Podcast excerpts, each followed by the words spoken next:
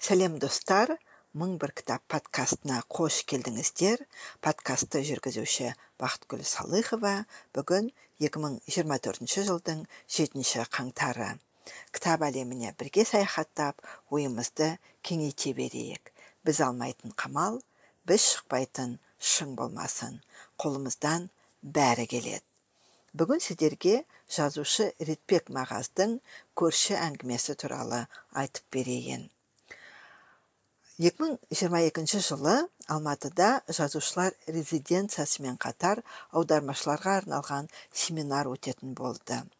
Ол семинарға қатысу үшін ағылшын тілінде бір рецензия жазып тапсыру керек еді. Тапсырмаға сәйкес қазақ әдебиетіндегі бір шығарманы таңдап соны талдап рецензия жазу керек. Мен үлкен шығарма алмайын деп шештім. Сондықтан соңғы жылдары жазып әңгімелері танымал болып жүрген жазушыларды іздей бастадым. Өзіме ұнаған жазушыны тез таба алмағандықтан досым жұлдыздан маған жақсы бір шығармаларды ұсынуын сұрадым және ол ә, біраз уақыт өткеннен кейін маған он шақты сілтеме жіберді. Сілтемелерді ашып ішінен кездейсоқ біреуін ашып қарадым. Бұл ретбек мағаздың көрші деген әңгімесі болып шықты. Сол кезде ғана мен ретбек мағаз деген жазушы барын біліп ол кісі туралы ақпарат іздей бастадым.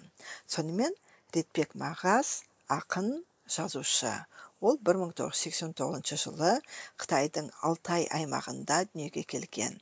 Қазір алматыда тұрады. Абай атындағы қазақ ұлттық педагогикалық университетін бітірген әл фараби атындағы қазақ ұлттық университетінің жоғарғы оқу орындарына дайындық кафедрасының оқытушысы. Мен ақпарат іздеген кезде осындай мәліметтер шыққан негізі. Өлеңдері мен әңгімелері көптеген республикалық газеттер мен журналдарда жарияланған шығармаларын интернетте кітап kz әдебиет портал kz сайттарынан табуға болады. Енді әңгімеге көшейік. Ретбек мағаздың көрші әңгімесінде оқиға желесі желісі терең кейіпкерлерде күрделі қарым қатынастар тоғысқан тағдырлар болмаса да оқи бастадым және әңгіме маған ұнады әңгімеде басқа адам еш жамандық жасамаса да тіпті мұндай өшпенділіктен бейхабар болса да санасында жау бейнесі қалыптасқан басқа бір адамның шынайы сезімі сипатталады. Басты кейіпкерлер айдар жас жігіт студент әртіс және әйел мен еркек. Олар ерлі зайыптылар. Автор оларға есім бермеген жай ғана әйел және еркек деген сөздерді ғана қолданады. Оқиғада бірден жағдайды түсіндіріп береді. Айдар ата анасының көмегімен сатып алған алты қабатты үйдің жоғарғы қабатындағы жеке пәтеріне көшкеніне бір жыл болған жас жігіт. Жалғыз тұрады екі жақтағы көршілері әлі қоныстанбаған сондықтан оның жалғыз көршісі бесінші қабатта тұратын ерлі зайыптылар. Арық бұйра бас жігіт айдар пәтеріне көшпей жатып бір әйел оны себепсіз жек көре бастайды. Ол ғимараттың жоғарғы қабатында жалғыз жас жігіттің студенттің сонымен қатар әрістің әртістің тұратынын ұнатпайды. Оның пәтерді мемлекеттің көмегінсіз яғни ипотека немесе несиесіз сатып алғанын білгенде одан да жиіркеніп кетеді. Бір күні әлгі әйел керемет түс көреді. Ұйықтар алдында ол жастық шағындағы әнді естеді бұл сәт әңгімеде былай суреттеледі әйел жоғарыдан жетіп жатқан ескі ән әуендерін бұрын да бір жерден естіген сыңайлы. Енді соған ой жүгіртті. Сөйтіп ойланып жатып өзінің де ән әуеніне қалай тербеліп ұйықтап кеткенін аңғармай қалды. Ұйқының терең шүңетінде жатып түс көрді.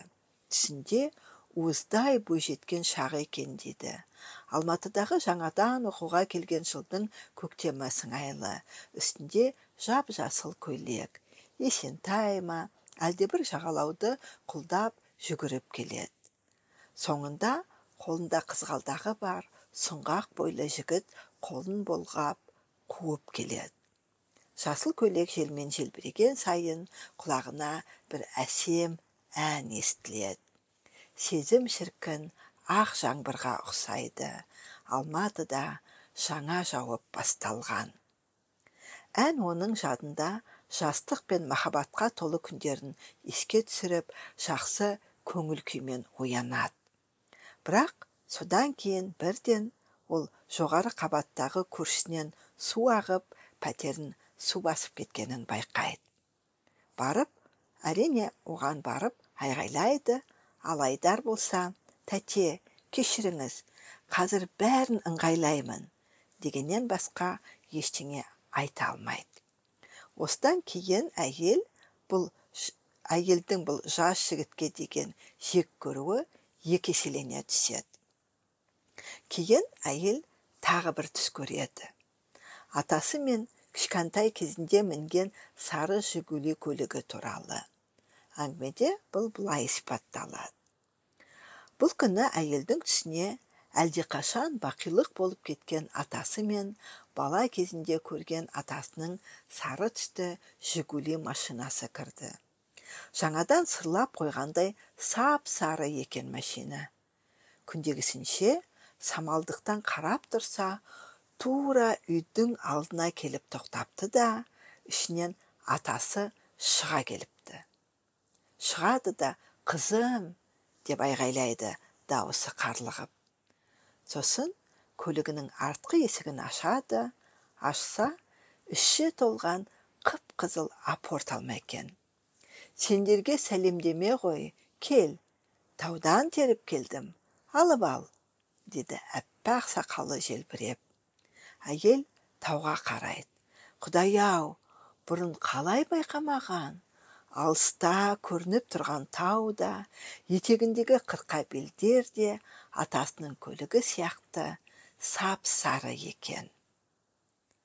Осы түстен кейін ол өзін шаршаңқы және нашар сезініп оянады. Бұларды су басқанын тағы бір рет көргісі келгендей тексеру үшін ас үйіне барады. Бірақ ешқандай апаттың белгісі байқалмайды. Төбенің бұрынғы су аққан орны сарғайып қана тұр екен. Осыдан кейін әйел күйеуіне ауылға барып келейік деп ұсыныс айтады сөйтіп ауылға машиналарына отырып ауылға барайын деп жатқанда жолдан айдарды көреді. Түстен кейін дүкеннен айдар дүкеннен қайтып келе жатады. Әйел болса көліктен басын шығарып әй әртіс біз қайтып келгенше үйімізді су астында қалдырмассың деп үміттенемін деп айғайлайды. Бұл әйел күні бойы үй шаруасымен айналысатын телефонмен сөйлесетін қарапайым жалғызбасты үй шаруасындағы әйел. Иә ол жалғызбасты әрине оның күйеуі бар болса да. Ол жоғарыда тұратын жас көршісін жау санап онымен жанжалдасу үшін кез келген мүмкіндікті пайдаланып оның жаман екенін өзіне дәлелдей түседі. Сондықтан өмір де оған өзі қалағандай жаман оқиғаларды бере береді.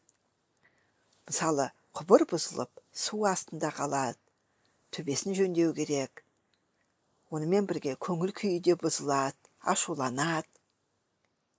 Бірақ оның өмірі де осы жас жігіттің әсерінен өзгереді. Бұл әңгімедегі түс көруі әйелдің әуен домбыраның үнін естуі көп өзгерсе келеді. Сөйтіп әйел әуен арқылы жастық шақтағы әндері оның жанын толқытып есіне түсіріп жағымды естеліктер сыйлайды. Бұл әңгіме бізге музыканың құдіретін еске салады. Музыка адам жанына әсер етеді. Адам балалық шақтың әуенін ешқашан ұмытпайды.